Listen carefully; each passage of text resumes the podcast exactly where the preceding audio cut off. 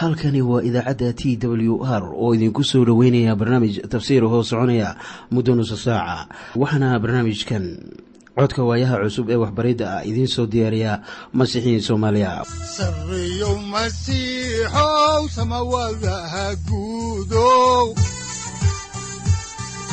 Siraadki adduunkow subanaha eebow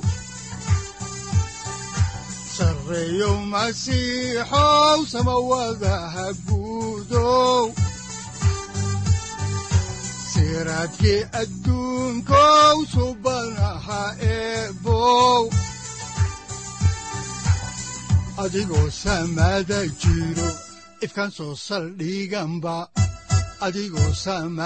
jiro ifkan soo saldhiganba kutubtiisanaaye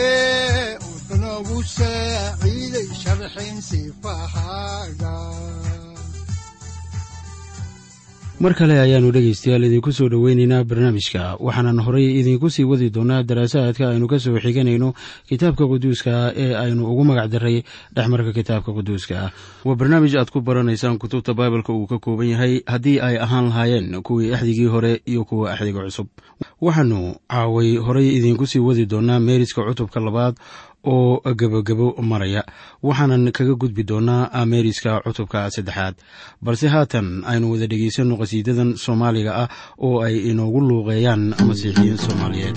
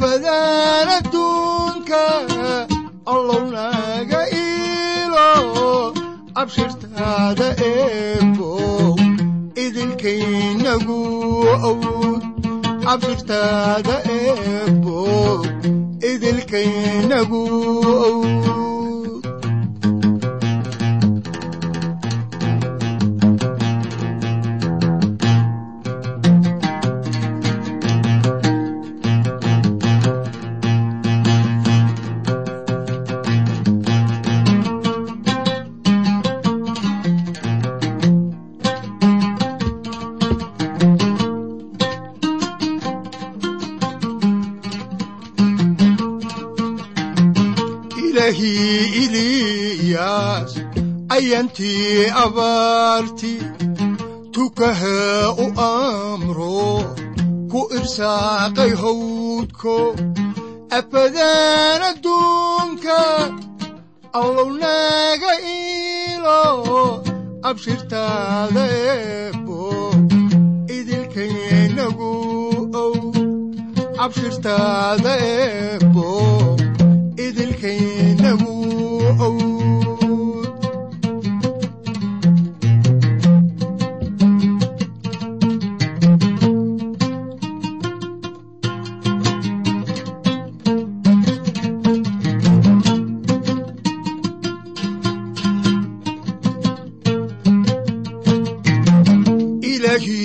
untay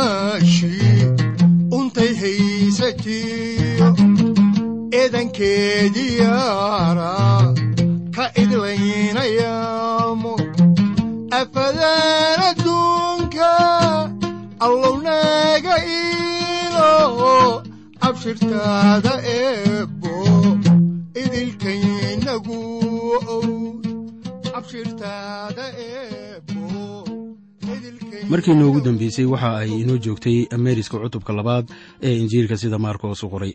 Waxaannu ku guda jiray sayidkeenna oo u yeeraya qaar ka mid a xerta oo uu ka soo cadcad yahay rasuul matayos oo isaga loo garanayay laawi ina alfayos oo isagu ka mid ahaa cashuurqaadayaashii la wada nabca haddaan markaa qisada caaway dib ugu noqonno ayaannu habeenkii isugu kaayay dambeysay waxaannu ku ekeynay barnaamijka cutubka labaad aayadaha koob iyo labaatan ilaa labaiyo labaatan ee injiilka sida maarkos u qoray.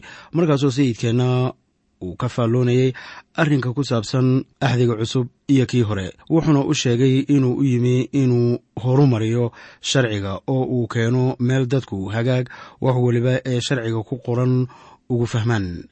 Sharcigii hore qaab cusub buu yeelanayaa waxaana khamiiska xaqnimada la siinayaa kan rumaysad ku noqda mid ka mida wiilashii ilaah sharcigaas ayaa iminka la bixinayaa waana qayb ka mid ah sharcigii hore u jiri jiray laakiin la casriyeynayo. Haatanna marka aynu ku jiro qaybaha dambe ee injiilka sida maarkos u qoray ayaannu soo gaaray baadada khusaysa sabtida. Waxaana masiixu u sheegayaa reer binu israa'iil in isagu uu yahay sayidka sabtida haddaan ku bilowno meeriska halkii aynu xalay ku dhaafnay injiilka sida maarkos u qoray cutubka labaad aayadaha saddex iyo labaatan ilaa shan iyo labaatan.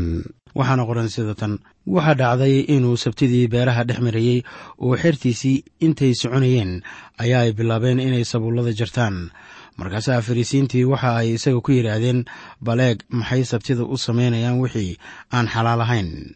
Wuxuu ku yidhi miyaydan weligiin akhriyin wixii daa'uud sameeyey marka uu wax u baahnaa oo uu gaajaysnaa isaga iyo kuwii la jiray. Gariig ahaan ereyga sabuul waxa uu noqonayaa sbrima wixii ay samaynayeenna sharci buu ahaa waayo waxaa loo oggolaa qofka socotada ah haddii uu yimaado beer nin reer binu israa'iila leeyahay inuu siduu doono wax uga cuni karo haddii uu baahan yahay. Laakiin ma ahayn inuu weel ka buuxsado midhaha beerta. Balaan xaalka arrinkaa ku saabsan idinka akhriyo kitaabka sharciga ku noqoshadiisa cutubka saddex iyo labaatanaad aayadaha afar iyo labaatan ilaa shan iyo labaatan waxaana qornigu ku leeyahay sida tan. Markaad soo gashaan beerta canabka ah ee deriskiinna canabka uga dherga si alla sidaad doonaysaan laakiin waa inaydan weelkiinna waxba kaga qaadan oo markaad timaadaanna haruurka taagan ee deriskiinna sabuulka gacanta waad ku goosan kartaan laakiin waa inaydan haruurka taagan ee deriskiinna manjo ku gooyn. Marka ay sidan tahay xertu waxa ay raacayaan sharciga oo waxa ay bilaabeen inay ku socdaan amarka rabbiga. Haddaan horey idinku sii wado meeriska ayaan iminkana idiin akhriyayaa cutubka labaad aayadaha lix iyo labaatan ilaa siddeed iyo labaatan waxaana qoran sida tan siduu guriga ilaah u galay waagii wadaadkii sare ee abyataar oo uu u cunay kibistii tusniinta oo aan xalaal u ahayn dadka kale wadaaddada maahee oo uu siiyey kuwii la jirayna. Markaasaa waxa uu ku yidhi iyaga sabtida waxaa loo sameeyey dadka aawadii ee dadka looma samayn sabtida aawadeed. Sidaas daraaddeed wiilka aadanaha waa sayidka sabtida waxa uu soo xigtay dhacdo mar hore ahayd oo daa'uud sameeyey taasoo tilmaamaysa in sharciga loo sameeyey dadka laakiin aan dadka loo samayn sharciga. Waxaa ahmiyadda iskale buu leeyahay sayidkeennu shakhsiga laakiin ma ahan walxada ama wakhtiga. Waxa ahmiyadda leh amase waxyaabaha lagu faral yeelay oo waxauu leeyahay haddii aynu baahannahay ma ahan inaan dhimanno iyadoo aynu sharciga dhowrayno. Isla sida nebi daa'uudba sameeyey markii uu yimi ama uu u yimi wadaadkii abyataar ahaa ee wakhtigiisa. Kolkii uu cunno weydiistay ayaa abyataar oo ahaa wadaadka rabbiga oo naxariisna lahaa siiyey daa'uud cunnadiisii taasoo aan xalaal u ahayn dadka kale wadaaddada mooyaane. Waxaase taa loo yeelay in daa'uud aanu haysanin wax kale ee uu cuno. Markaasuu ku yidhi wadaadka warkibistan innaga laynoo sameeyey cun oo ha dhiman waxaan filayaa inaad garateen ereyada masiixa iyo sida uu wax u barayo dadka. Waxa uu leeyahay idinka ayaa ka qiimi badan sharci waliba. Sharciguna waa inuu qofka caadiga ah wax taro laakiin ma ahan inuu wax u dhimo. Haddaan haddaba intaa ku soo ekeeyo cutubka labaad ayaan filayaa inaad wax badan ka korursanaysaan injiilkan markos oo ah injiil ficila iminkana waxaynu idiin bilaabaynaa walaalayaal cutubka saddexaad ee injiilka sida maarkos u qoray. Cutubkan saddexaad waxaa horay u sii soconaya maaddada khusaysa maalinta sabtida ee aynu idiinku soo bilownay cutubka labaad. Waxaana laynoogu muujinayaa cutubkan in masiixu dad badan ka bogsiiyey cudurradoodii maalin sabtiya wuxuuna maarkos si weyn ugu nuxnuuxsanayaa in bogsiintu aad u ballaarayd haddaan markaa iminka idiin bilowno meeriska cutubka saddexaad ayaan idiin akhriyayaa isla injiilka sida maarkos u qoray cutubka saddexaad aayadaha hal ilaa laba baalka shan iyo lixdanaad ee axdiga cusub waxaana qoran sida tan. Kol dambe waxa uu galay sunagoga halkaana waxaa joogay nin gacan engegan markaasay fiirinayeen inuu sabtida bogsiinayo iyo in kale si ay u ashtakeeyaan. Waxaa ninkan curyaanka ah loo keenay meesha waxay ahayd in dabin looga dhigo masiixa maalinta sabtida ah ee uu joogo sunagoga dhexdeeda. Waxa ay doonayeen inay yidhaahdaan wuxuu shaqo qabanayaa maalin aanay ahayn in la shaqeeyo. Waxaa cadowgii sayidkeenna ay daydayayaan inay cudurdaar u helaan ay ku soo qabtaan oo eedeeyaan masiixa. Waxaad mooddaa in wakhtigu ku yar yahay iyo inaanay samir lahayn. Ay ku sugaan inta masiixa ay ku helayaan khalad ay ku soo qabtaan ama dadka kaga hor keenaan waxaana ay dhex keeneen sunagoogta oo ah halka wax lagu barto oo ilaah lagu caabudo marka laga fog yahay yeruusaalem bal si aynu ku ogaanno xaalka ayaannu horay idinku sii wadaynaa meeriska cutubka saddexaad ee injiilka sida maarkos u qoray waxaana aan idiin akhriyayaa aayadda saddexaad oo leh kolkaasuu ninkii gacanta engegnaa ku yidhi dhexda isa soo taag. Inkastoo ay sirqoolayaan masiixa way u caddahay. Waxa uu ka yeelayo ninkan miskiinka ah ee curyaanka ah ee dabinka loogu dhigay. Ha yeeshee ilaah dan buu ka leeyahay wax weliba ee dadku sameeyo. Balaan idiin akhriyo injiilka sida maarkos u qoray cutubka saddexaad aayadaha afar ilaa shan oo waxaa qoran sida tan. Oo wuxuu iyaga ku yidhi sabtida ma xalaal baa in wanaag la falo ama shar? In naf la badbaadiyo ama la dilo laakiinse way iska aamuseen goortuu isha mariyey isaga oo cadhaysan oo qalbiga ka tiiraanyoonaya qalbi engegnaantooda aawadeed. Waxa uu ninkii ku yidhi gacantaada soo taag. Kolkaasuu soo taagay oo gacantiisiina way bogsatay kadib markii uu su'aasha weydiiyey ayaa ay wada aamuseen. Markaasuu ninkii bogsiiyey isaga oo ka tiiraanyoonaya sida ay waxyeelayaan innaga qudheenna waannu leenahay dad xaaladaha ay samaynayaan u sameeya inay shar falaan awgeed. Iyaga oo doonaya inay dad soo laayaan ayaa ay iska dhigayaan qolo ilaah jecel. Dantoodu waxa weeye inay dad dabin u dhigaan oo waxhalleeyaan waxaana qorniinku leeyahay goortuu iyaga iisha mariyey isaga oo ka cadhaysan qalbi engegnaantooda ayuu ninkii daweeyey looma keenin ninkaas in la bogsiiyo awgeed. Waxaase loo keenay in la geliyo khatar masiixa. Markii masiixu taa ogaadana wuu la yaabay oo welibana ka tiiraanyooday. Marka ay sidaa tahay bogsiintu waxa ay daba socotaa hadalkii hore ee masiixa. Markaasoo uu lahaa miyay wanaagsan tahay in sabtida wanaag la sameeyo mise way xun tahay? Mar kalena waxa uu ku yidhi intaynu isla cutubkan ku jirray dadka looma samayn sabtida laakiin waxaa sabtida loo sameeyey dadka. Dadka qaar bay la ahayd in sabtida darteed ay u dhintaan. Ha yeeshee ilaah sabtida uma keenin xujo awgeed. Wuxuuse ka lahaa dan mucayima oo waxa uu doonayey in jirka dadku nasto maalintaas. Waa maalin nasasho oo qofka aadmiga ah loo sameeyey.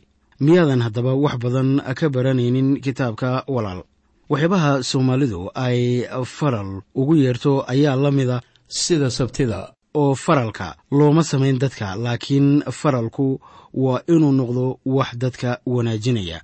Marka waxaa faralka loo sameeyey dadka ma ahan in laydiin adeegsado xabad inta gumuc rasaaseed jeebabka laydinku guro. Masiixu haddaan ku noqonno darsiga wuxuu ninkan daweeyey maalin sabtiga. Laba arrimood ayaana halkan laynoogu muujiyey waana in wanaag la sameeyo maalinta sabtida iyo in masiixu yahay sayidka sabtida waxaana labada arrimood ay shideen madaxdii diinta. Haddaan horay idinku sii wado haddaba meeriska ayaan iminkana idiin akhriyayaa injiilka sida maarkos u qoray cutubka saddexaad aayadaha lix ilaa siddeed oo waxaa qoran. Markaasaa farisiintu baxeen oo markiiba waxa ay kala tashadeen herodoosiintii si ay u dilaan isaga laakiin ciise xertiisii ayaa uu badda kula noqday waxaana raacay dad badan oo ka yimi galali iyo yahuudiya iyo yeruusaalem iyo idumiya iyo webi urdun shishadiisa iyo kuwa ag jooga tuuros iyo sidon. Dad tiro badan goortii ay maqleen waxa weyn ee uu samaynayey ayaa ay u yimaadeen. Markii labadii dhacdo ee sabtida ay dhegahooda ku dhacday ayaa madaxdii diintu iyaga u caraysan ay tageen iyaga oo iminka doonaya inay ciise ka takhallusaan markiiba ciise isna wuu iska tegey waxna uu maray dhul weyn oo dad badan ayaa khudbadihiisii iyo injiilka uu ku wacdinayay aad iyo aad ugu guuxay. Waxaana sayid ciise masiix uga soo baxay dhulka ama deegaanada yuhuudiya waxa ay ahayd inaan weli la gaarin wakhtigiisa isaga la saari lahaa isku tallaabta waxaana uu horay u sii waday hawshii wacdiska injiilka. Dad badanna waa la badbaadiyey. Waxaase jiray oo kale khatar ku soo fool lahayd masiixa. Dad badan ayaa masiixa u soo ururi jiray inta uu ku wacdiyayo injiilka ee uu iyaga waxbarayo. Waxaana taasu ay keentay inay adkaan jirtay inuu socdo ama uu helo meel uu ka neefsado. Waxaaba ka sii darnaa in dadku ay ku dagaalami jireen inay taabtaan masiixa si ay uga bogsadaan cudurradooda. Haddaan horay idiinku sii wado haddaba meeriska cutubka saddexaad ayaan iminka idiin akhriyayaa. Aayadaha sagaal ilaa toban. Waxaana qorniinka quduuska ahi leeyahay sida tan. Xeertiisii waa la hadlay oo ku yidhi dooniyar ha i sugto. Dadkii badnaa aawadii si ayaan ii cidhiiriyin waayo dad badan ayuu bogsiiyey. Sidaa daraaddeed ayay waxay ugu kufeen si ay kuwii cudur qabay oo dhan u taabtaan isaga marka ay sidan tahay waxaan rumaysanahay kuwa uu masiixu bogsiiyey ee lagu qoray injiilka maahane inay jireen dad ma'wi ah oo badan oo masiixu bogsiiyey. Dadka aad iyo aad bay u doonayeen inay masiixa ka hor muuqdaan iyada oo ay ugu wacan tahay cudurradooda. Qaar baa isku tuuray isaga si ay u taabtaan. Haddaan horay idiinku sii wado dhegaystayaal meeriska ayaan haatanna horay bal u sii wadaynaa mucjisooyinka masiixa uu samaynayo waxaanan idiin akhriyayaa isla injiilka sida maarkos u qoray cutubka saddexaad aayadaha koob iyo toban ilaa labaiyo toban oo leh. Uu jinniyadii wasakhda lahaa goortay arkeen.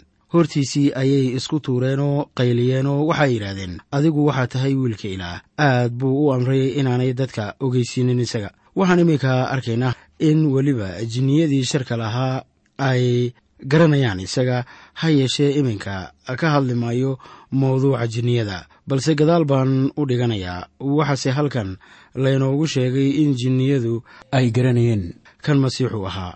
Laakiin isagu ma uusan doonayn markhaati furkooda. Waxaana haddaba aayadaha soo socda aannu ku arkaynaa ujeeddada ama danta uu ka lahaa inuu barbaariyo xagga culunta laba iyo tobankii xerta ahaa iyadoo masiixu iyaga uu ka dhigayo rasuullo haddaan arrinkaa isaga ah wax idinka sheego ama idinka taabto ayaa waxaa muhiima inaan la soo kala baxno injiilka sida maarkoos u qoray baalka lix iyo lixdan ee axdiga cusub cutubka saddexaad aayadaha saddex iyo toban ilaa shan iyo toban oo waxaa qoran. Goortaasuu buurta fuulay wuu u yeeray kuwii uu doonayey wayna u yimaadeen. Laba iyo toban ayuu soo saaray inay isaga la joogaan iyo inuu u diro inay wax wacdiyaan iyo inay u leeyihiin amar ay cudurro ku bogsiyaan oo ay jinniye ku saaraan. Haatan waxaa halkan inoogu qoran u yeedhista u dambaysay ee laba iyo tobankii xerta ahayd waxaana masiixu iyaga u dalliciyey oo uu u xoogeeyey inay rasuullo u noqdaan oo ay hawsha adeegana la wadaagaan. Waxaa masiixa uu siiyey iyaga awood ay cudurrada iyo jinniyada dadka kaga saaraan. Ka bilaabata aayadaha lix iyo toban ilaa sagaal iyo toban waxaa ku qoran magacyada rasuullada waxaase aad mooddaa in maarkos degdegayo. Waxa ay kala ahaayeen. Haddaba laba iyo tobankii xerta ahaa simoon butros kow. Yacquub inesabadi labo. Yuuxanaa oo ah yacquub walaalkiis saddex. Iyaga waxa uu u bixiyey bo'anerges waxa weeye wiilashii onkodka. Andreyos oo ahaa simoon butros walaalkiis afar. Filibos shan bartolomayos oo loo yaqiinay nathaniel. Lix. Matayos oo loo yaqiinay lawi ina alfayos. Toddoba. Tomas siddeed yacquub oo ahaa ina alfayos. Sagaal. Tadayos toban. Simoonkii reerkana koob iyo toban. Iyo yudas iskariyot oo ahaa kii gacan geliyey sayidka laba iyo toban. Maadaama kuwaasu ay ahaayeen kuwii uu doortay ayaan iminka idiin akhriyayaa walaalayaal qidcada xigta. Waxaana aan la soo kala baxaynaa cutubka saddexaad aayadaha labaatan ilaa koob iyo labaatan waxaana qoran sida tan. Kolkaasuu guri galay oo dad badan. Ayaa haddana ku soo ururay si aanay karin inay kibis cunaan. Xigtadiisii goortay maqleen ayaa ay u soo baxeen inay qabtaan. Waayo waxa ay yidhaahdeen isagu waa waalan yahay. Waxa markii aad u kuur gasho sida injiilku u dhacayo ama loo qoray. Aad dareemaysaa sida qoraalka injiilka maarkos u xoog badan yahay waxna uu had iyo goorba qorayaa waxyaalaha masiixa ka duwaya dadkii noolaa wakhtigiisa waxaana uu u go'ay inuu dadka u muujiyo in masiixu wanaagsan yahay. Waxaana kaloo uu u soo xiganayaa qisada ninkan jinniga qaba ee ciise masiix uu jinnigii ka saaray si uu u muujiyo awoodda masiixa haddaannu iminka horay idiinku sii wadno haddaba meeriska cutubka ayaan iminka la soo kala baxaynaa isla baalka shan iyo lixdan ee kitaabka axdiga cusub injiilka sida maarkoos u qoray cutubka saddexaad aayadaha labaiyo labaatan ilaa toddobiyo labaatan waxaana qoran sida tan. Culimmadii yeruusaalem ka soo degeenna waxay yidhaahdeen wuxuu qabaa bicilsabuul oo madaxda jinniyada ayaa uu jinniyada ku saaraa. Kolkaasuu iyagii u yeedhay oo masaal kula hadlay oo ku yidhi sideebaa shayddaan shayddaan u saari karaa? Haddii boqortooye kala qaybsanto boqortooyadaasu ma taagnaan karto. Haddii guri kala qaybsamo gurigaasu ma taagnaan kari doono. Haddii shayddaanna isku kaco oo qaybsamo ma taagnaan karo. Laakiin waxa uu leeyahay dhammaansho ninna nin xoog leh gurigiisa ma geli karo inuu alaabtiisa dhaco. Hadduusan kolkii hore ninka xoogga leh xirin goortaasuu gurigiisa dhici doonaa. Masiixu wuxuu u kala qaaday in waxa ay ku doodayaan aanay macquul noqon karin. Wuxuuna ku leeyahay sideebaa shayddaan shayddaan u saari karaa? Waa su'aal bilxaqiiqa u muujinaysa sida ay u khaldanaayeen markii ay yidhaahdeen madaxda jinniyada ayaa uu wax ku saaraa ciise masiix. Haddaan horey idinku sii wado haddaba meeriska ayaa waxaa idin akhriyayaa aayadaha siddeed iyo labaatan ilaa soddon ee cutubka saddexaad waxaana qorniinka quduuskaahu leeyahay sida tan. Runtii waxaan idinku leeyahay bini'aadmiga waa loo cafiyi doonaa dembiyadii oo dhan iyo caydii ay ku caytamaan. Laakiin ku alla kii caaya ruuxa quduuska ah weligii cafiga heli maayo. Laakiin waxa uu aad u leeyahay dembi weligiisa waayo waxa ay yidhaahdeen jinni wasaq leh ayuu qabaa. Haddaba markii qofi caayo ruuxa quduuska ah dembigiisii looma cafiyayo weligii dembiyo aan la cafiyi karin waxaa laga sheegay kan qofku uu caayayo ilaah ama ruuxa quduuska ah. Waxa kaloo aan laga cafiyi karin dembiyada aad u gelayso ogaalka iyadoo aad isku leedahay berri baan waxaan ka toobad keenayaa. Dembiyada oo kale ilaah wuu necab yahay waayo waxaad u samaynaysaa maqsuud. Ha yeeshee haddii qofii afka uu wax ka yidhaahdo ilaah waa u cafiyayaa laakiin waxaannu cafiyeynin waxa weeye kancaaya ruuxa quduuska ah. Waxaana weeye in layska indha tiro shaqada dhabta ah ee ruuxa uu ka wado qalbiga qofka iyo noloshiisa guud ahaan. Haddaan ilaah oggolaan inuu qalbigaaga ka dhex shaqeeyo markaas haddee rajo kama lihid masiixa. Weli waxaan ku jiraa haddaba dhegaystayaal meeriska cutubka saddexaad waxaanan idiin akhrinayaa aayadaha koob iyo soddon ilaa shan iyo soddon oo leh markaasaa waxaa yimi walaalihii iyo hooyadii oo dibadday istaageen waxayna u direen cid ugu yeedha. Dad badan baa agtiisa fadhiyey oo waxa ay ku yidhaahdeen baleeg hooyada iyo walaalaha dibadday joogaan oo way ku doonayaan. Markaasuu u jawaabay oo ku yidhi yaa ah hooyaday iyo walaalahay. Kolkaasuu isha mariyey kuwii agtiisa fadhiyey oo ku yidhi waa kuwan hooyaday iyo walaalahay ku alla ka yeela doonista ilaah kaasaa ah hooyaday iyo walaalahay. Waxaa la yaab leh haddaba in labadii la dhalatay masiixa oo ay isku hooyada ahaayeen waa yudas iyo yacquube ay waraaqa qoreen oo markaana ma ayan odhan markii ay waraaqaha qorayeen anigoo ah yudas ama yacquub waxaannu nahay walaalaha masiixa. Waxa ay garanayeen kuwa yeela doonista ilaah oo keliya in loogu yeeri karo wiilasha ilaah ama kuwa masiixa u dhow. Tan ahmiyadda lena waxa weeye hadba sida aynu masiixa ugu xidhannahay taasaa faa'iido weyn laga helaa.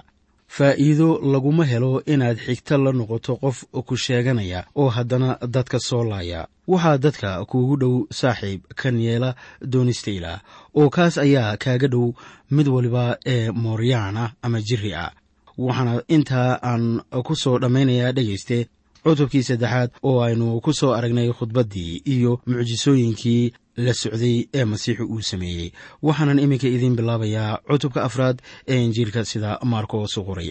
Cutubkan afraad ee injiilka waxaa ku qoran dhowr mas'alo iyo mucjisadii masiixu uu ku joojiyey dabaysha waxaa kaloo masaaladaas iyo qisooyinkuna ay ku qoran yihiin labada kale ee injiil oo ay kala qoreen luukos iyo yoxana. Ha yeeshee matayos waxaa ka maqan masaal halkan laynagu siinayo sidaan arki doonno waxaa ugu horreeya masaalka beereyga dabadeedna waxaa la sharaxayaa isla masaalkaas waxaana soo raacaya masaalo kale. Dabadeetana hal masaal oo ugu dambeeya ayaa jira waxaana markaa bilowga injiilka sida maarkos u qoray aanu ku arkaynaa in injiilkanu yahay mid ficila oo waxaa masaal weliba lagu adkaynayaa hal mucjiso. Waxaanaad ugu dambaysta ogaanaysaa in masaalada maarkos halkan inagu siinayo ay yihiin masaallo ficila haddaan markaa idiin bilaabo meeriska cutubka afraad ayaan la soo kala baxaynaa injiilka sida maarkos u qoray cutubka afraad aayadda koowaad baalka toddobiyo lixdan ee axdiga cusub waxaana qoran sida tan hoos ku xusan. Haddana waxa uu bilaabay inuu badda agteeda wax ku baro oo waxaa u soo ururay dad badan. Sidaas daraaddeed doonni ayaa uu fuulay wuxuuna fadhiistay badda. Dadkii badnaana waxa ay joogeen badda xeebteeda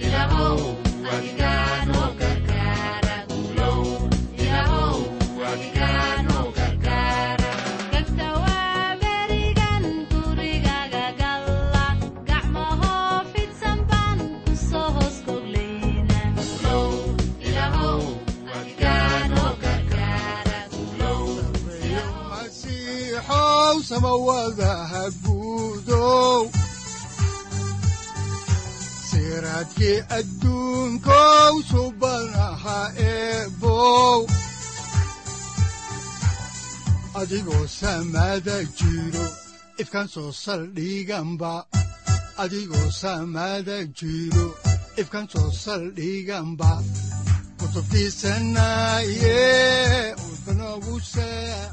halkani waa t w r idaacadda t w r oo idinku leh ilaa ha idin barakeeyo oo ha idinku anfaco wixii aad caawi ka maqasheen barnaamijka.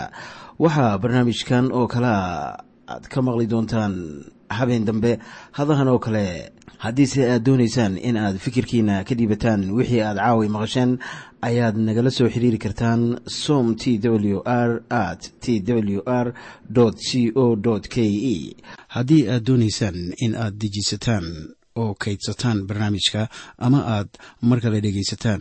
Fadlan mar kale booqo www t w r o r g amase waxaad teleefoonkaaga ku kaydsataa ama ku download garaysataa agabyada ku sahli karaa dhegeysiga t w r haddii aad doonayso in laga kaalmeeyo dhinacyada fahamka kitaabka amase aad u baahan tahay duco fadlan fariimahaaga soo mari bogga aaraahda ama kommentska inana jawaab deg deg ah ayaanu ku soo diri doonaa amase ku siin doonaaye.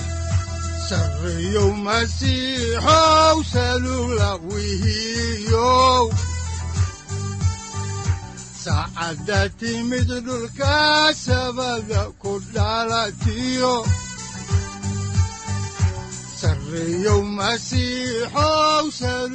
halkani waa t w r oo idiin rajaynaya habeen baraare iyo barwaaqaba leh. Inta aynu ka gaari doono wakhti aynu ku kulanno barnaamij la mida kan caawayay aad maqasheen. Waxa aan idinku leeyahay nabadda ciise masiix ha idinku badato xagga jidhka iyo ruuxaba. Aamiin